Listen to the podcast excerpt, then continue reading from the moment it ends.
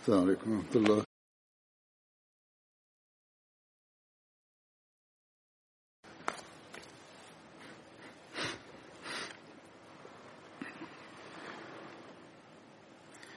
أشهد أن لا إله إلا الله وحده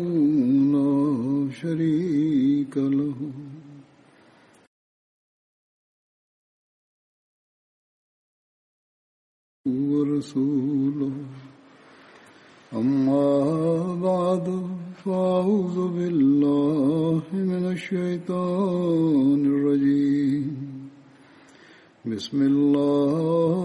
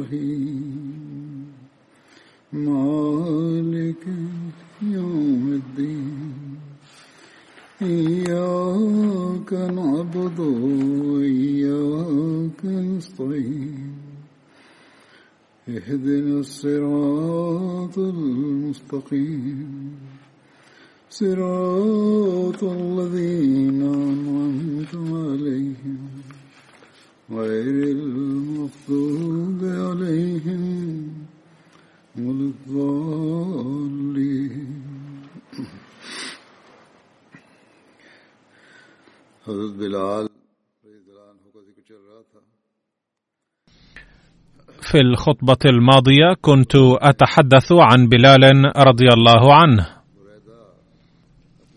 عن عبد الله بن بريدة عن أبيه قال أصبح رسول الله صلى الله عليه وسلم فدعا بلالا فقال يا بلال بما سبقتني إلى الجنة؟ ما دخلت الجنة قط إلا سمعت خشخشتك أمامي. دخلت البارحة الجنة فسمعت خشخشتك أمامي. فقال بلال يا رسول الله ما أذنت قط إلا صليت ركعتين. وما أصابني حدث قط إلا توضأت عندها ورأيت أن لله علي ركعتين. فقال رسول الله صلى الله عليه وسلم بهما. وفي رواية عن أبي هريرة رضي الله عنه أن النبي صلى الله عليه وسلم قال لبلال عند صلاة الفجر يا بلال حدثني بأرجى عمل عملته في الإسلام فإني سمعت دفن عليك بين يدي في الجنة. قال ما عملت عملا أرجى عندي أني لم أتطهر طهورا في ساعة ليل أو نهار إلا صليت بذلك الطهور ما كتب لي أن أصلي. رواه البخاري. لكن هذا لا يعني أن بلالا سبق الرسول صلى الله عليه وسلم. إنما يعني هذا أن الله تعالى قد بوأه نتيجة تطهره وعبادته الخفية هذه المكانة العالية. حيث إنه سيكون مع النبي صلى الله عليه وسلم في الجنة أيضا كما كان في الدنيا. فقد سبق أن ذكرت رواية أن سيدنا بلالا رضي الله عنه كان يمشي أمام النبي صلى الله عليه وسلم يوم العيد حاملا الرمح. ثم كان ينصبه جهة القبلة وكان النبي صلى الله عليه وسلم يصلي هنالك. لقد حفظ الله تعالى لبلال هذا الشرف في الجنة أيضا بسبب تطهره وعبادته. حيث رآه النبي صلى الله عليه وسلم معه في الجنة في هذا المشهد. وفي رواية أن رسول الله صلى الله عليه وسلم قال: لما أسري بي في الجنة سمعت خشخشة قدم فقلت: يا جبريل ما هذه الخشخشة؟ قال هذا بلال قال أبو بكر ليت أم بلال ولدتني وأبو بلال وأنا مثل بلال. ما أعظمها من مكانة تبوأها بلال. ذلك الذي كان يحتقر ويجر على الحجارة حتى تمنى سيدنا أبو بكر أن يكون هو بلالا. وكتب حضرة ميرزا بشير أحمد وهو يتحدث عن أوائل الصحابة. كان بلال بن رباح الذي كان عبدا حبشيا لأمية بن خلف يؤذن للصلاة بعد الهجرة إلى المدينة. ولكنه ترك رفع الأذان بعد الرسول صلى الله عليه وسلم. وعند فتح الشام في خلافة عمر رفع بلال الأذان بعد إلحاح من عمر رضي الله عنهما. فتذكر الجميع زمن الرسول صلى الله عليه وسلم. فبكى بلال وعمر وكل الصحابة الموجودين بكاء شديدا حتى أخذهم النشيج. كان سيدنا عمر رضي الله عنه يحب بلالا حبا شديدا حتى إذا توفي قال عمر لقد توفي سيد المسلمين اليوم. هذا ما قاله ملك ذلك العصر في عبد حبشي فقير. قال الخليفة الثاني رضي الله عنه ذات مرة مخاطبا السيدات الأحمديات في معرض تفسير قول الله تعالى: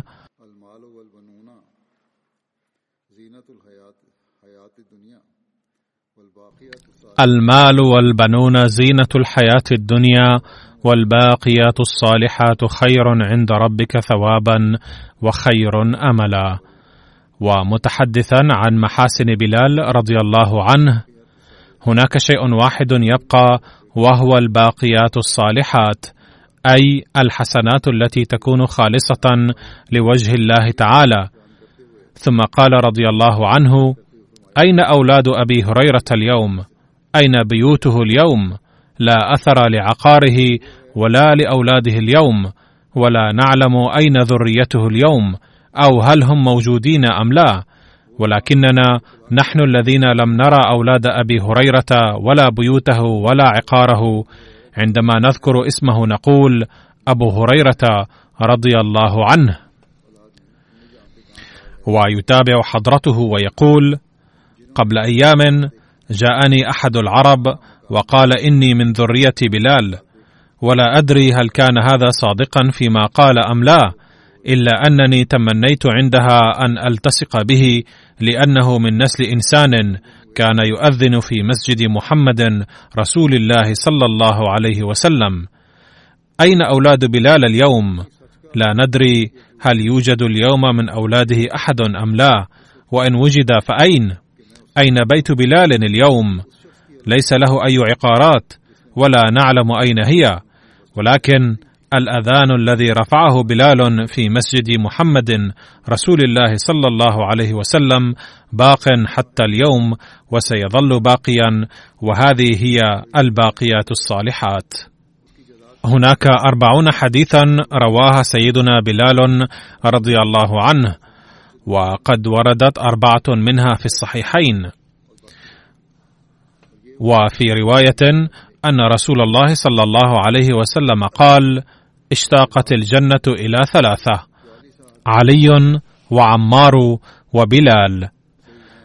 وذكر عمر ذات مرة فضل أبي بكر رضي الله عنهما فجعل يصف ما فيه، ثم قال مشيرا إلى بلال رضي الله عنه: وهذا سيدنا بلال حسنة من حسنات أبي بكر. أي قال عمر وهو يذكر فضائل أبي بكر رضي الله عنهما وكان سيدنا بلال جالسا هنالك مشيرا إلى بلال إن سيدنا بلالا هذا حسنة من حسنات سيدنا أبي بكر رضي الله عنه حيث كان اشتراه عبدا وأعتقه عن عائذ بن عمرو قال مر أبو سفيان ببلال وسلمان وصهيب. فقالوا ما أخذت سيوف الله من عنق هذا بعد ما أخذها؟ فقال أبو بكر الصديق أتقولون هذا لشيخ قريش وسيدها؟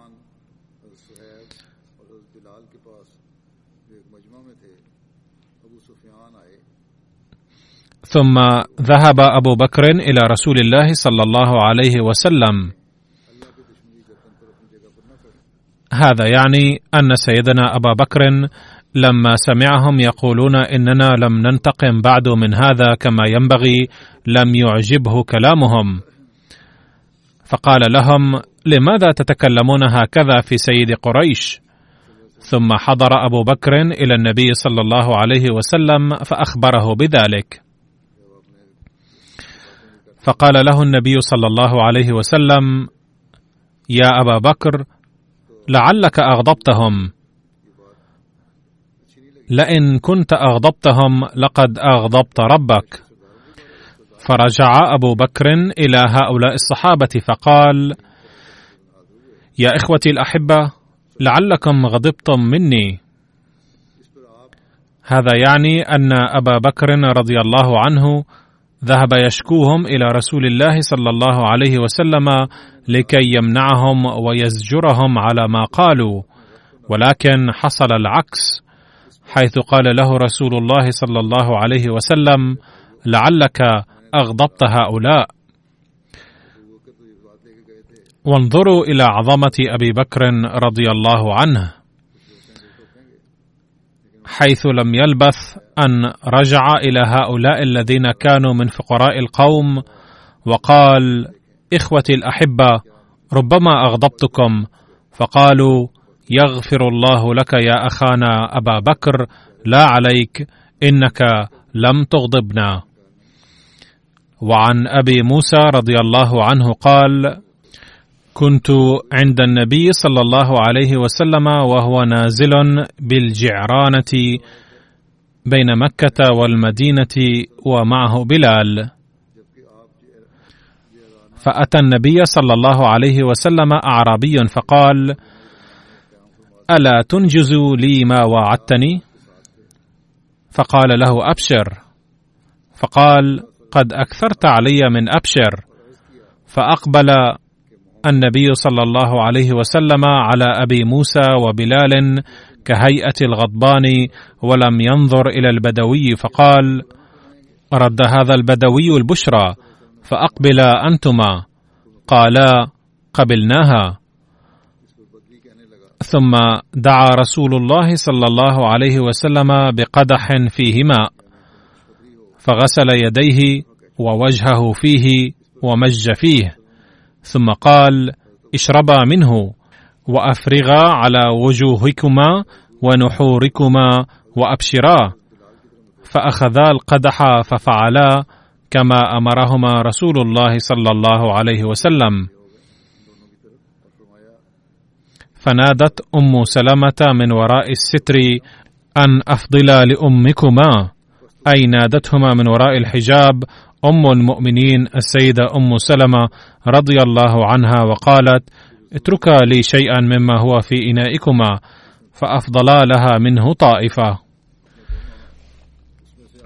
وعن علي بن أبي طالب رضي الله عنه قال قال النبي صلى الله عليه وسلم إنه لم يكن نبي قبلي إلا قد أعطي سبعة رفقاء نجباء ووزراء. وإني أعطيت أربعة عشر. حمزة وجعفر وعلي وحسن وحسين وأبو بكر وعمر وعبد الله بن مسعود وأبو ذر والمقداد وحذيفة وسلمان وعمار وبلال. عن زيد بن أرقم رضي الله عنه قال قال رسول الله صلى الله عليه وسلم نعم المرء بلال هو سيد المؤذنين ولا يتبعه إلا مؤذن. والمؤذنون أطول الناس اعناقا يوم القيامة. وعن زيد بن أرقم رضي الله عنه قال قال رسول الله صلى الله عليه وسلم نعم المرء بلال هو سيد الشهداء والمؤذنين وهو أطول الناس عنقا يوم القيامة. أي ستوهب له مكانة عزة كبيرة. وفي رواية يبعث بلال على ناقة من نوق الجنة. عن امرأة بلال أن النبي صلى الله عليه وسلم أتاها فسلم فقال أثم بلال؟ فقالت لا.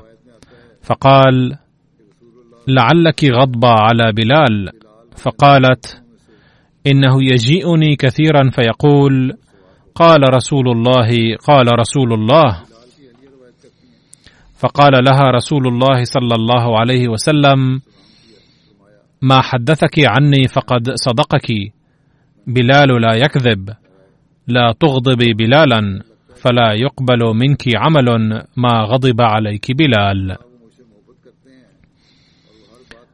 عن أبي هريرة عن رسول الله صلى الله عليه وسلم قال مثل بلال كمثل نحلة غدت تأكل من الحلو والمر ثم هو حلو كله. عن هند امرأة بلال قالت كان بلال إذا أخذ مضجعه قال اللهم تجاوز عن سيئاتي واعذرني بعلاتي. عن بلال رضي الله عنه قال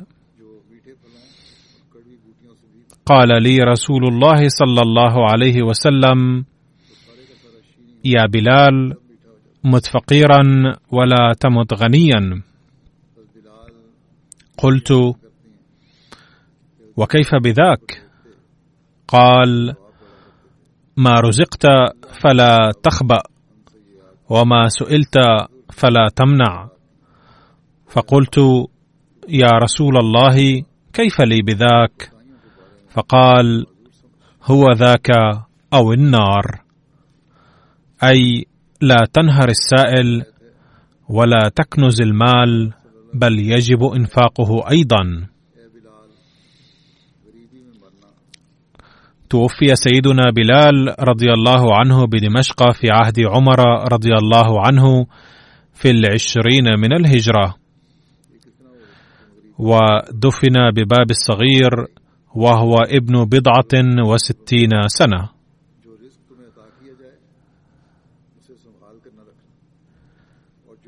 وقيل مات بحلب. وقيل أنه مات في الثمانية عشر من الهجرة ودفن قرب باب الصغير بدمشق. يقول سيدنا الخليفة الثاني رضي الله عنه في بيان مكانة بلال رضي الله عنه ومرتبته و قد ذكرت بعض الأمور من قبل أيضا بهذا الشأن وقد تعاد هنا بعضها في سياق الحديث. فيقول رضي الله عنه كان بلال حبشيا ولم يتقن العربية جيدا فكان يخطئ كثيرا عند الحديث بها. فمثلا إن الأحباش لا يقدرون على نطق الشين بل ينطقونه سين. فكان بلال يقول عند الأذان اشهد بدلا من أشهد. وكان العرب يضحكون عليه لشعورهم بتفوقهم القومي. مع أنهم أيضا لا يقدرون على نطق بعض الأحرف من لغات أخرى.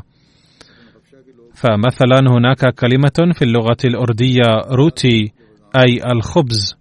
فهم لا يقدرون على نطقها نطقا صحيحا بل ينطقون روتي أي لا يستطيعون أن ينطقوا حرفا ارديا ت. على ما يرام فينطقونه ت. كذلك لا يقدرون على نطق حرف أردي تشوري. الخبز المفروم. نطقا سليما بل ينطقونه جوري أي لا يستطيعون نطق حرف أردي تشا بل ينطقونه جا باختصار كما لا يستطيع غير العرب أن ينطقوا بعض الأحرف العربية نطقا سليما كذلك لا يقدر العرب أيضا على نطق بعض الأحرف من لغات أخرى نطقا سليما ولكنهم لا يفكرون بسبب نشوتهم في الشعور بالتفوق أنهم أيضا لا يقدرون على نطق بعض الأحرف من لغات أخرى. فلما رأى النبي صلى الله عليه وسلم الناس يضحكون على نطق بلال رضي الله عنه أسهد بدلا من أشهد قال إنكم تضحكون على أذان بلال بينما يفرح الله تعالى على العرش بأذانه وأن قوله اسهد أحب إليه من نطقكم أشهد. كان بلال حبشيا وكان الأحباش يتخذون عبيدا في تلك الأيام بل إلى قرون قريبة من الزمن الراهن وحتى إلى يومنا هذا. ولكن النبي صلى الله عليه وسلم لم يكن من الذين يحسبون بعض الأقوام مقهورين أو أذلاء بل كانت الأقوام كلها في نظره سواسية لكونهم خلق الله تعالى. فكان يحب الإغريق والأحباش والعرب على قدم المساواة. كان صلى الله عليه وسلم يحب الأفارقة والإغريق أيضا كحبه العرب. هذا الحب أدى إلى خلق حبه صلى الله عليه وسلم في قلوب أقوام أخرى بقدر لم يعرفه كثير من العرب أيضا. فقد نشأ حبه صلى الله عليه وسلم في قلوب الأقوام الأجنبية لم يعرف سببه من كان محرومين من الفراسة والإدراك. ومن لم يعرفوا أسرارا كامنة وراء الحب والإخلاص. لقد ولد رسول الله صلى الله عليه وسلم في مكة في العرب وفي قبيلة قريش العربية. وكانت هذه القبيلة تحسب أقوام العرب الأخرى أيضا أذلاء ومحتقرين. اذا كانت قبيلة النبي صلى الله عليه وسلم أشرف القبائل فماذا كان يربطه بالأحباش؟ بل كان من المفروض أنه لو كانت له علاقة حب مع قبيلة لكانت مع بني هاشم أو بالعرب بوجه عام لأنهم من قومه. أما الأقوام الأخرى التي هزمت جيوشه حكوماتهم وقضت سلطنة إسلامية على سيادتهم القومية أن كان أن ينشأ حبه صلى الله عليه وسلم في قلوبهم. لقد نشبت الحروب بينه صلى الله عليه وسلم وبين أقوام أخرى وهزمت وقضي على حكوماتهم فكيف كان ممكنا أن ينشأ حبه صلى الله عليه وسلم في قلوب هؤلاء الأقوام؟ بل كان من المفروض أن تنشأ في قلوبهم عداوته ولكن ما الذي توحي به الأحداث؟ نفحص اولا حب قوم المسيح الناصري عليه السلام لسيدهم فنجد أنه عندما ألقي القبض عليه قال رجال الشرطة لحواريه عليه السلام الخاص الذي عينه خليفة أيضا بعده لماذا تمشي معه؟ فكأنك أيضا معه. قال مذعورا لست مريدا له بل ألعنه. اذا لم يكتفي بإنكاره فقط بل لعنه أيضا. لا شك أن حوارييه عليه السلام كانوا يحبونه وقد شنق بطرس بعد ذلك في روما. واعتنق الموت بكل شجاعة ولم يرفض حبه ولا طاعته للمسيح عليه السلام. ولكن عندما علق المسيح عليه السلام نفسه على الصليب لم يكن إيمان بطرس حينذاك قويا. لذا خاف عندئذ حتى عقوبة بسيطة ولكنه قبل الشنق بعد ذلك بكل سرور. باختصار كان هذا مثالا عن الحب الذي يكنه للمسيح عليه السلام أتباعه. ومقابل ذلك نرى خدام رسول الله صلى الله عليه وسلم الذين آمنوا به وصاروا له قلبا وقالبا. كان بلال عبدا حبشيا.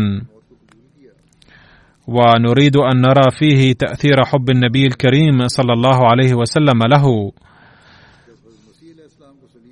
بعض الناس يظهرون لمحبوبهم في الظاهر حبا عميقا إلا أن حبهم في الحقيقة يكون محدودا ضمن دائرة معينة. ونريد أن نرى ما إذا كان حب النبي صلى الله عليه وسلم لبلال الذي ليست قريش فحسب بل العرب كلهم كانوا يكرهونه لكونه عبدا حبشيا حبا نابعا عن دافع التسامح أو بهدف جبر خاطره فحسب. أم كان حبا حقيقيا نابعا من القلب؟ فهل كان ذلك الحب للرياء أم كان حبا حقيقيا؟ إن بلالا وحده يستطيع أن يختبر ذلك الحب ولا نستطيع ذلك. وإذا أردنا أن نستعرض هذا الأمر فلا بد أن نتوجه إلى بلال لأنه ليس أحد أكفأ منه ليقوم بالاستعراض الصحيح. وأن لنا أن نختبر ذلك من واقعة مضى عليها أكثر من ثلاثة عشر قرنا من الزمان. نريد أن نعرف ماذا فهم بلال من إظهار حب النبي صلى الله عليه وسلم له. هل أدرك أنه حب حقيقي أم ماذا؟ ليس السؤال هنا ما الذي فهمته كما أنه ليس السؤال هنا ما الذي فهمه الناس من قرن سابق. وليس السؤال أيضا ما الذي فهمه أهل القرن الذي كان قبله. وليس السؤال هنا ما الذي فهمه الصحابة. اتركوا ما فهمه الآخرون بل اتركوا ما فهمه الصحابة من زمن النبي صلى الله عليه وسلم. إنما نريد أن نعرف ما الذي فهمه بلال. ولمعرفة ذلك لا بد من التركيز على هذه الجملة الصغيرة التي قالها النبي صلى الله عليه وسلم وقد ذكرت سابقا. وهي قوله صلى الله عليه وسلم للناس تضحكون على نطق بلال كلمة اسهد ولكن الله تعالى على عرشه يفرح بأذان بلال. فإن اسهد لبلال أثمن عند الله تعالى من أشهد لكثير منكم. هل كانت هذه الجملة لجبر خاطر بلال أم كانت مبنية على الحب العميق؟ هل قوله صلى الله عليه وسلم إن اشهد لبلال أثمن عند الله تعالى من أشهد للآخرين كان لتدارك الوضع بشكل مؤقت أم كان ينم عن حبه العميق؟ لنرى ما الذي فهم منه بلال. لقد استنتج بلال من هذه الجملة بأنه رغم انتمائه إلى أمة غير عربية ورغم كونه من قوم يعدون خارج دائرة الإنسانية لأنهم يتخذون عبيدا. مع كل ذلك يفيض قلب النبي صلى الله عليه وسلم بحبه وبالمودة له. لقد فهم بلال بأن النبي صلى الله عليه وسلم أحبه حبا كبيرا رغم كونه من قوم غير عربي يتخذون عبيدا. والآن دعونا نرجع إلى الوراء فترة قصيرة حيث توفي هذا الشخص الذي يقول مماتي لله رب العالمين. فلقد توفي صلى الله عليه وسلم وظهرت حكومات جديدة وحل رجال جدد محل القدامى وحدثت تغيرات ومستجدات. لقد مضت سنوات تغيرت فيها حكومات وحدثت تغييرات كثيرة. وخرج بعض الصحابة من الجزيرة العربية إلى مئات الأميال وكان منهم بلال الذي سافر إلى الشام بعد وفاة النبي صلى الله عليه وسلم وبعد هذه التغيرات المذكورة ووصل إلى دمشق. فاجتمع بعض المسلمين في دمشق يوما وكان بلال موجودا بينهم. فقالوا فيما بينهم كان بلال رضي الله عنه يؤذن في حياة النبي صلى الله عليه وسلم ونحب أن يؤذن بلال مرة أخرى. فلما أعربوا لبلال عن رغبتهم رفض وقال لا يسعني الآن رفع الأذان. ولن أؤذن بعد النبي صلى الله عليه وسلم لأنني كلما أريد رفع الأذان تتراءى لي أيام عهد النبي صلى الله عليه وسلم المباركة. فلا أتمالك نفسي. لذلك لا أستطيع أن أرفع الأذان الآن لأن الأمر يخرج من نطاق تحملي. وكان عمر رضي الله عنه نازلا في دمشق في تلك الأيام أي كان في جولة هناك بالمصادفة. فالتمسوا إليه أن يأمر بلالا برفع الأذان وقالوا بيننا قوم قد رأوا النبي صلى الله عليه وسلم ويتلهفون لسماع أذان بلال مرة أخرى. إذ لا يزال يتراءى لهم عهد رسول الله صلى الله عليه وسلم ولا زال في تصورهم مشهد الأذان الذي كان يرفعه بلال. فإنهم يرغبون في أن يسمعوا أذان بلال في الحقيقة ليدور أمام أعينهم ذلك العهد مرة أخرى. وبيننا قوم آخرون لم يروا عهد النبي صلى الله عليه وسلم وإنما سمعوا عنه فقط. أي كان فيهم من كانوا يتمنون أن يسمعوا الأذان من هذا الإنسان الذي كان النبي صلى الله عليه وسلم يسمع أذانه وكان أذانه أحب إليه صلى الله عليه وسلم. فدعاه عمر رضي الله عنه وقال يا بلال إن الناس يرجونك أن تؤذن من أجلهم. فقال يا أمير المؤمنين أنت خليفتنا فما دمت تريد أن أؤذن فلا خيار أمامي. ولكني أخبرك بأن قلبي لا يقدر على رفع الأذان. فقام بلال رضي الله عنه وأخذ يرفع الأذان كما كان يرفعه في عهد النبي صلى الله عليه وسلم. فلما انطلق صوته في الجو تذكر الصحابة العرب العهد النبوي المبارك ففاضت عيونهم بالدموع وانطلقت من البعض صرخات البكاء عالية. أما بلال رضي الله عنه فظل يواصل الأذان وأخذ الناس يتذكرون عهد النبي صلى الله عليه وسلم فينفعلون. ولكن لنرى كيف كانت حالة قلب بلال الحبشي الذي كان العرب يسخرونه لخدمتهم والذي لم تربطه بالعرب قرابة ولا أخوة؟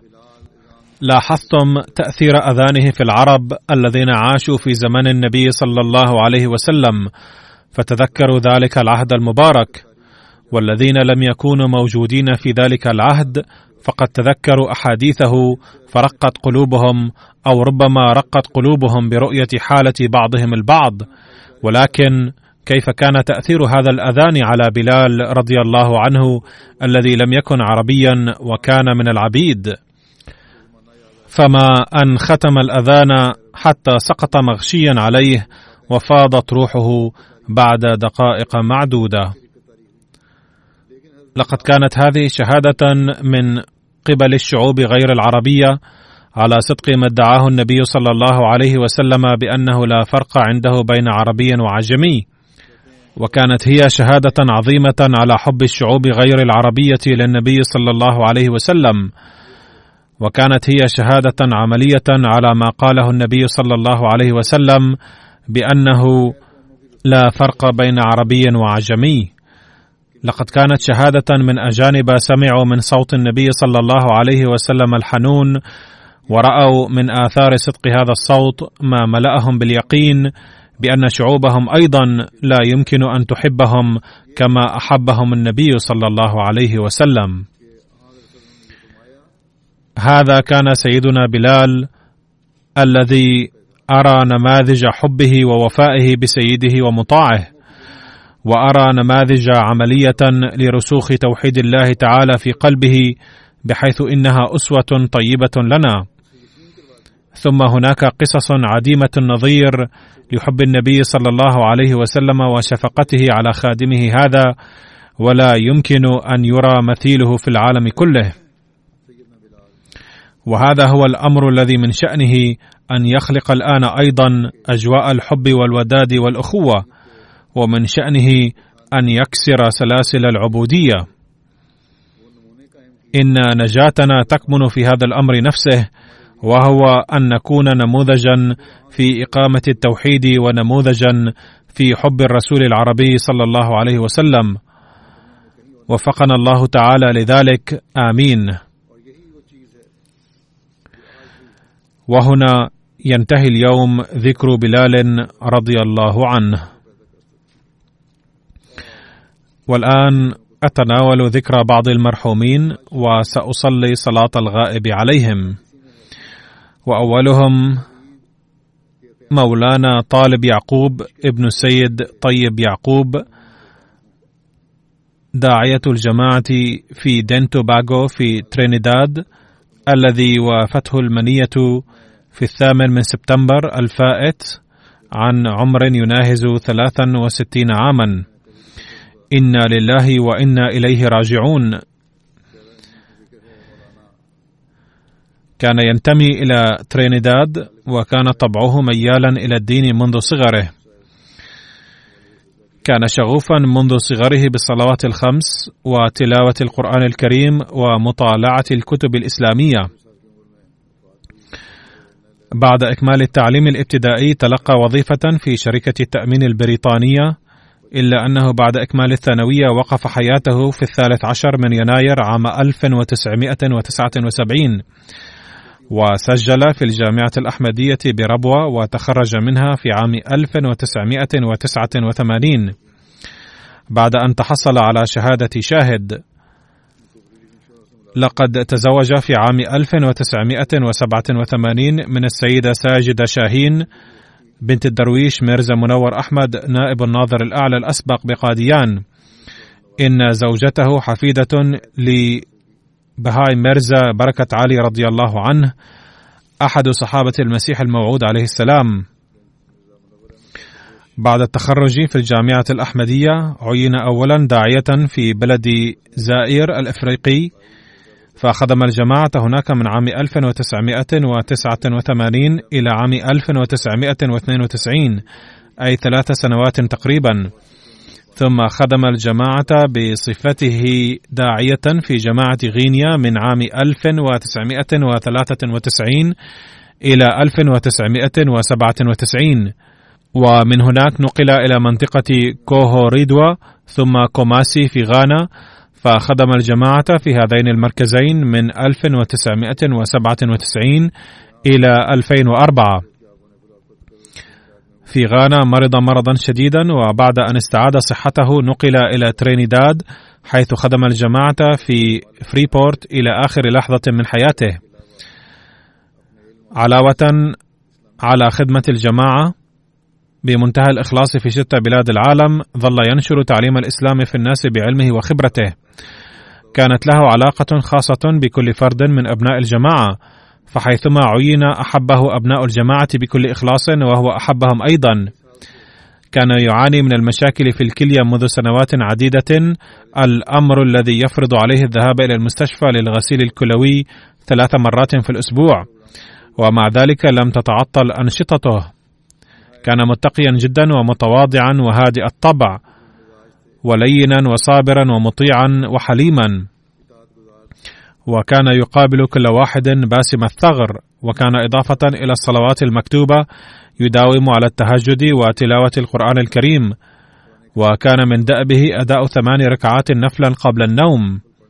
كان يلتزم نظام الجماعة بصرامة وكان ينصح أفراد أسرته أيضا بكل هذه الحسنات. وكان حائزا على شعبية كبيرة في عائلته. ترك وراءه إضافة إلى زوجته ابنا اسمه ناصر يعقوب وابنتين أمين يعقوب وعديل يعقوب وله أخوان وثلاثة أخوات أيضا بعضهم في ترينيداد وبعضهم في أستراليا. تقول زوجة أخيه السيدة هيلين يعقوب لقد بايعت قبل ثلاثين سنة وحين عاد مولانا المحترم إلى ترينيداد كان يعلمني دوما بلطف أمورا جديدة من الدين وبذلك ازداد حماسي لتلقي علوم الدين أكثر. وكان بذلك يفرح كثيرا ومتأثرا بسلوكه. قرر ابني طيب يعقوب بفضل الله تعالى أن يكون داعية وهو الآن يدرس في السنة الثانية بالجامعة الأحمدية في كندا. تقول طبيبة أحمدية هناك أن المرحوم كان خلوقا جدا وتأثر بأخلاقه السامية كل طبيب وممرضة عالجوه في المستشفى خلال مرضه. إذا كان المرحوم جالسا في مكان في المستشفى وجاء شخص آخر قام فورا وقدم له المكان فكان قدوة للمرضى والأطباء. يقول الداعية المسؤول في ترينيداد تويغو كان المرحوم يملك مزايا الداعية والمربي وخصاله في الحقيقة. كان متقدما دوما في الطاعة. ويستجيب لمسؤوليه في كل أمر وكان يبذل قصارى جهوده لإنجاز المهام المعهودة إليه على خير ما يرام. كان يحب الله تعالى ورسوله صلى الله عليه وسلم والمسيح الموعود عليه السلام حبا كبيرا. وكان يداوم على تلاوة القرآن الكريم وقيام الليل. يقول السيد قاصد ورايج الذي تخرج في الجامعة الأحمدية في كندا قبل سنتين أو ثلاث وعين داعية أحمديا في ترينيداد. حين عينت في ترينيداد كانت صحة مولانا المرحوم ضعيفة. وكان كبير السن. مع ذلك جاء بعد بضعة أيام من وصولي إلى هناك لزيارتي مع زوجته وابنه بسفر استغرق خمسين دقيقة. وقابلني بمنتهى اللطف. ثم بعد كل يومين أو ثلاثة كان يطمئن علي عبر الرسائل أو المكالمات الهاتفية تحسبا أني قد أحتاج إلى شيء لكوني حديث الورود إلى البلاد. وبعده ربما كان ينصحه أيضا ويشرح له بعض الأمور. كان يقابل كل صغير وكبير بحب ولطف وكان دوما ينصح بتوطيد العلاقة بالخلافة وطلب الدعاء من الخليفة. كتبت ابنة المرحوم أيضا أنه كان دوما ينصحها بطلب الدعاء من الخليفة قبل الامتحانات وغيرها من الأمور. يقول أحمدي هناك اسمه منير إبراهيم.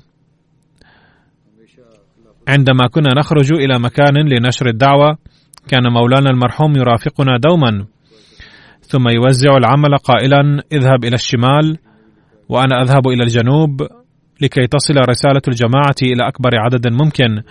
وكان دوما بساما.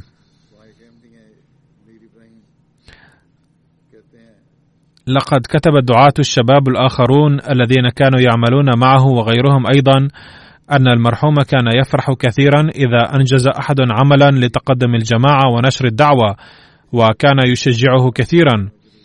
وكتب الجميع أنه كان يبتسم دوما وكان مسالما ويحب السلام حتى في أيام الدراسة إذا تشاجر اثنان أصلح بينهما. وكان يقول إنكما أحمديان لذا يجب أن لا يكون في قلب أحدكم أي حقد تجاه الآخر. فقد لاحظته أنا أيضا باسم الثغر دوما وكانت له علاقة الوفاء بالخلافة. وكما قلت سابقا قد كتب أولاده أيضا أنه كان ينصحهم دوما بتوثيق العلاقة بالخليفة ومراسلته. يقول أحمدي جديد السيد ناريش المحترم كنت أنشد الإسلام الحقيقي في شتى مساجد غير الأحمديين وحين قابلت مولانا طالب المحترم وقع في قلبي انطباع حسن عنه قبل الاستماع إلى الأدلة مما أدى إلى مبايعته لاحقا. باختصار قد أدى المرحوم طالب يعقوب جميع مقتضيات الوقف بانشراح الصدر التام ولم يقدم أي عذر قط. وكان دوما يقول سوف أعمل حيثما يعينني خليفة الوقت وإذا طلب مني أن أبقى في باكستان وأعمل هنا ولا أعود إلى بلدي فأنا جاهز لذلك. ثم عمليا ظل يتعلم اللغة البنجابية أيضا لكي تساعده إذا تم تعيينه في باكستان. تغمده الله بواسع رحمته وغفر له ورفع درجاته. وحفظ زوجته وأولاده ووفقهم لمواصلة حسناته. الجنازة الثانية للمهندس المحترم افتخار علي القريشي. الوكيل الثالث للمال سابقا. ونائب رئيس مجلس التحريك الجديد. عمره الله طويلا. حيث توفي في الثالث من يونيو عن عمر يناهز تسعا وتسعين سنة. إنا لله وإنا إليه راجعون كان اسم والده ممتاز علي القريشي وكان طبيبا بيطريا وكان افتخار علي المحترم ولد في مدينة ميرث الهندية وتلقى الدراسة الثانوية والثانوية العليا في ميرث نفسها ثم سجل في كلية تومسون للهندسة في ريركي التي صارت الآن جامعة وتخرج فيها مهندسا مدنيا في 1944 وتشرف بالانضمام إلى الجماعة الإسلامية الأحمدية أثناء الدراسة. لم يكن والده قد بايع بعد إلا أن افتخار قريشي المحترم قرأ كتب سيدنا المسيح الموعود عليه السلام شخصيا وبحث وتشرف بقبول الأحمدية. كانت رسالة الأحمدية قد وصلته عن طريق زوج عمته السيد مختار قريشي المحترم ووالده المنشي فياض علي المحترم. كان المرحوم افتخار يقيم أيام الدراسة عند عمه تراب علي. ولم يكن تراب علي أحمديا. وكان مختار قريشي عادة يزور عم افتخار علي في بلدة سرابة في ميرث في صحبة أبيه. وكان افتخار علي يتلقى كتب الجماعة من هؤلاء الكبار كما كانت الجماعة في دلهي أيضا تنشر نشرات صغيرة وكانت تصل إلى افتخار علي فيقرأها. كان افتخار علي يقرأ كل هذه الأدبيات خلال السفر ثم يعطيها لوالده. كان السيد افتخار حين سجل في كلية توهامسون بدأ عمه مختار علي يبلغه الأحمدية بانتظام عبر رسائل مفصلة. وكان افتخار علي يرد عليها بالتفصيل. وكان قد وفق في ذلك الوقت إلى قيام الليل والدعاء الكثير إلا أنه كان في قلبه اضطراب وقلق فعبر عن ذلك ذات يوم لسيدنا الخليفة الثاني وطرح عليه بعض الأسئلة فرد عليه حضرته رضي الله عنه قائلا إن أسئلتك وجيزة ولكنها شاملة ومن الصعب الرد عليها في رسالة واحدة لذا عليك قراءة كتابي الفلاني وحصل السيد افتخار علي على هذا الكتاب من زوج عمته السيد مختار وبدأ قراءته وكلما قرأه وجد الإجابات على أسئلته. فبايع في 1941 خطيا بإرسال رسالة. وفي 1942 جاء إلى الجلسة السنوية في قاديان فتأثر كثيرا من جوها واستمع بإمعان إلى خطابات حضرة خليفة المسيح الثاني رضي الله عنه وبايع هناك مجددا على يد حضرته. كان يذهب إلى قاديان كل سنة للجلسة السنوية وكان يحظى بفرصة اللقاء مع الخليفة الثاني رضي الله عنه ويسأله أسئلته ويأخذ منه الإجابات ويعود مفعما بالإيمان والإيقان. كان المرحوم بدأ الخدمة الحكومية في الهند وظل يعمل هناك حتى بعد تأسيس باكستان. ثم هاجر إلى باكستان في عام 1951 وتوظف في قسم المياه والطاقة ولكونه موظفا حكوميا انتقل إلى عدة مدن وعمل بكل أمانة وترقى من مرتبة المهندس الصغير إلى مرتبة رئيس المهندسين. بل في مناسبة عين سكرتير المياه والطاقة للحكومة في إقليم بنجاب. وقد حصل أثناء خدمته لوطنه على مراتب محترمة وكبيرة.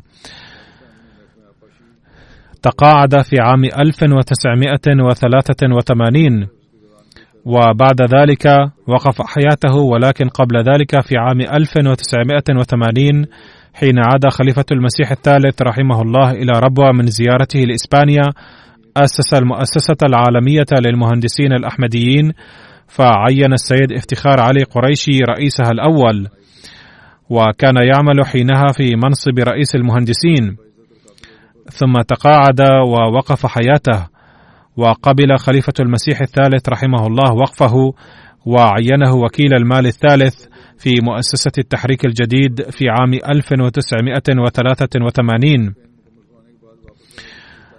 وبجانب ذلك عمل بصفته رئيس المؤسسة العالمية للمهندسين الأحمديين مدة 25 سنة تقريبا. في عام 1980 عين رئيسها الأول ثم ظل ينتخب رئيسا لها طول هذه السنوات. خدم كثيرا في عهد خليفة المسيح الرابع رحمه الله أيضا.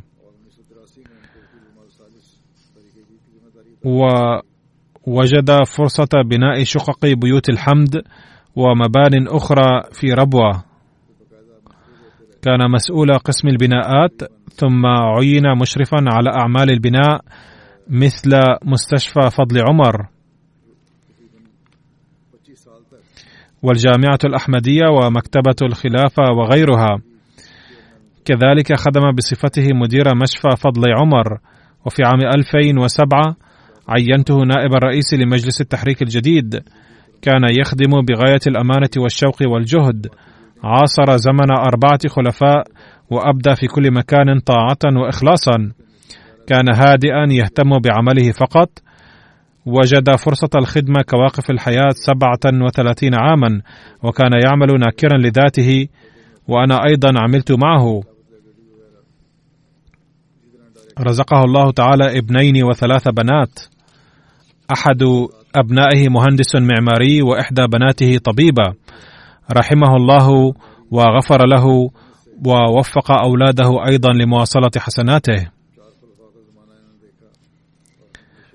الجنازة الثالثة للسيدة رضية سلطانة التي كانت زوجة الحكيم المولوي خورشيد أحمد. توفيت عن عمر يناهز واحدا وثمانين عاما. كانت المرحومة ابنة شيخ الله بخش رضي الله عنه الصحابي للمسيح الموعود عليه السلام.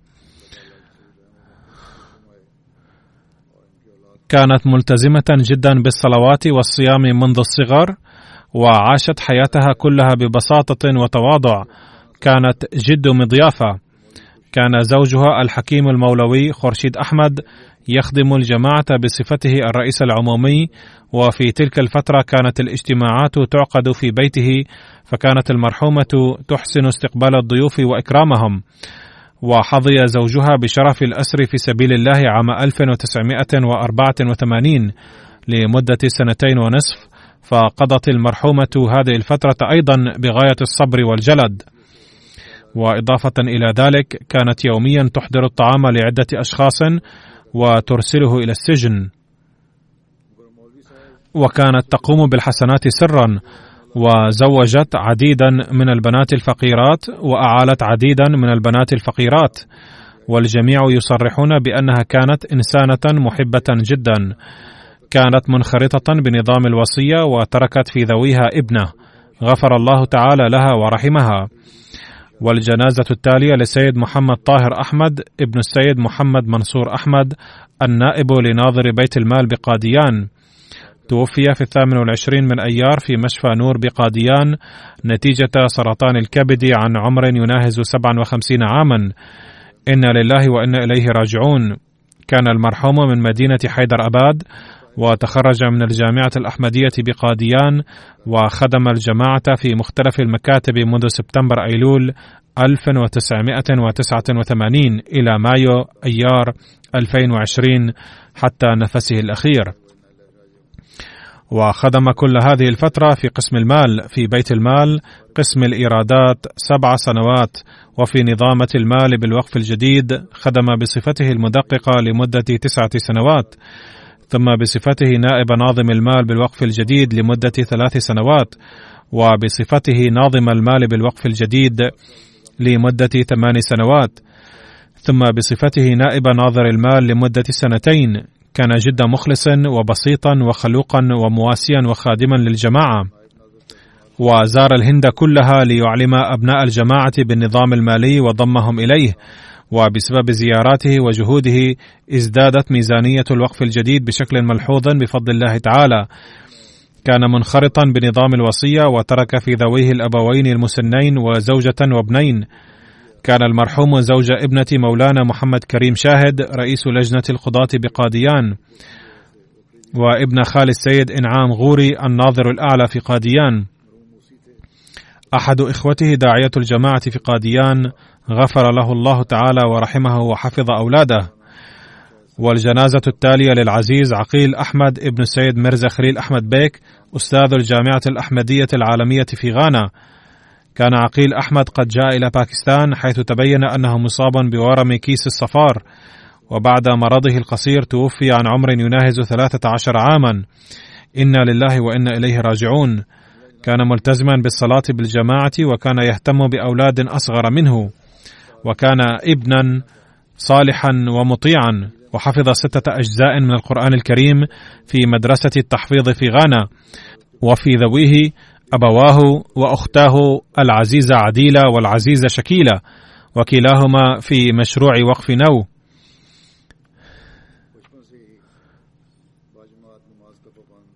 أبوه السيد ميرزا خليل أحمد بيك يخدم الجماعة بصفته أستاذ الجامعة الأحمدية العالمية بغانا. كتب أحد أساتذة الجامعة الأحمدية بغانا السيد نصير الله. كان عقيل أحمد ولدا طيبا ومحبوبا لدى الجميع. سنتذكر وجهه البشوش والطليق دوما. كان ولدا بريئا ومطيعا للغاية وملتزما بالصلاة بالجماعة ومحبا للقرآن الكريم. كان بالإضافة إلى دراسته في المدرسة الرسمية يحفظ القرآن الكريم منذ فترة. كان بعد صلاة المغرب يتناول العشاء ثم يعود إلى المسجد ليراجع ما حفظ من القرآن. وكان بعد إنهاء وظيفة البيت للمدرسة يحفظ بعض آيات القرآن قبل النوم يوميا. وكان يقول سأصبح داعية الجماعة وأخدم الجماعة. رفع الله تعالى درجاته ووفق أبويه وأختيه لتحمل هذه الصدمة. لا تحضر الجنائز هنا في هذه الأيام. كثير من الناس يقدمون طلبات لأصلي صلاة الجنازة على أحبابهم ولكن لا يمكن الصلاة عليها يوم الجمعة لأن ذلك يتطلب وقتا. وحتى إذا اقتصرت على مجرد ذكر أسمائهم لاستغرق ذلك وقتا كثيرا. لذا أصلي على البعض غائبا. وأما الآخرون الذين يقدمون الطلبات فأخبرهم دون أن أذكر أسماء أحبابهم أنني أضمهم إلى الذين أصلي عليهم هنا. غفر الله تعالى للجميع ورحمهم والذين قدموا طلبات أن أصلي الجنازة على أحبابهم أدعو لهم أن يلهمهم الصبر والسلوان ويوفقهم لمواصلة حسنات المرحومين. سأصلي على جميع المرحومين صلاة الغائب بعد صلاة الجمعة إن شاء الله تعالى.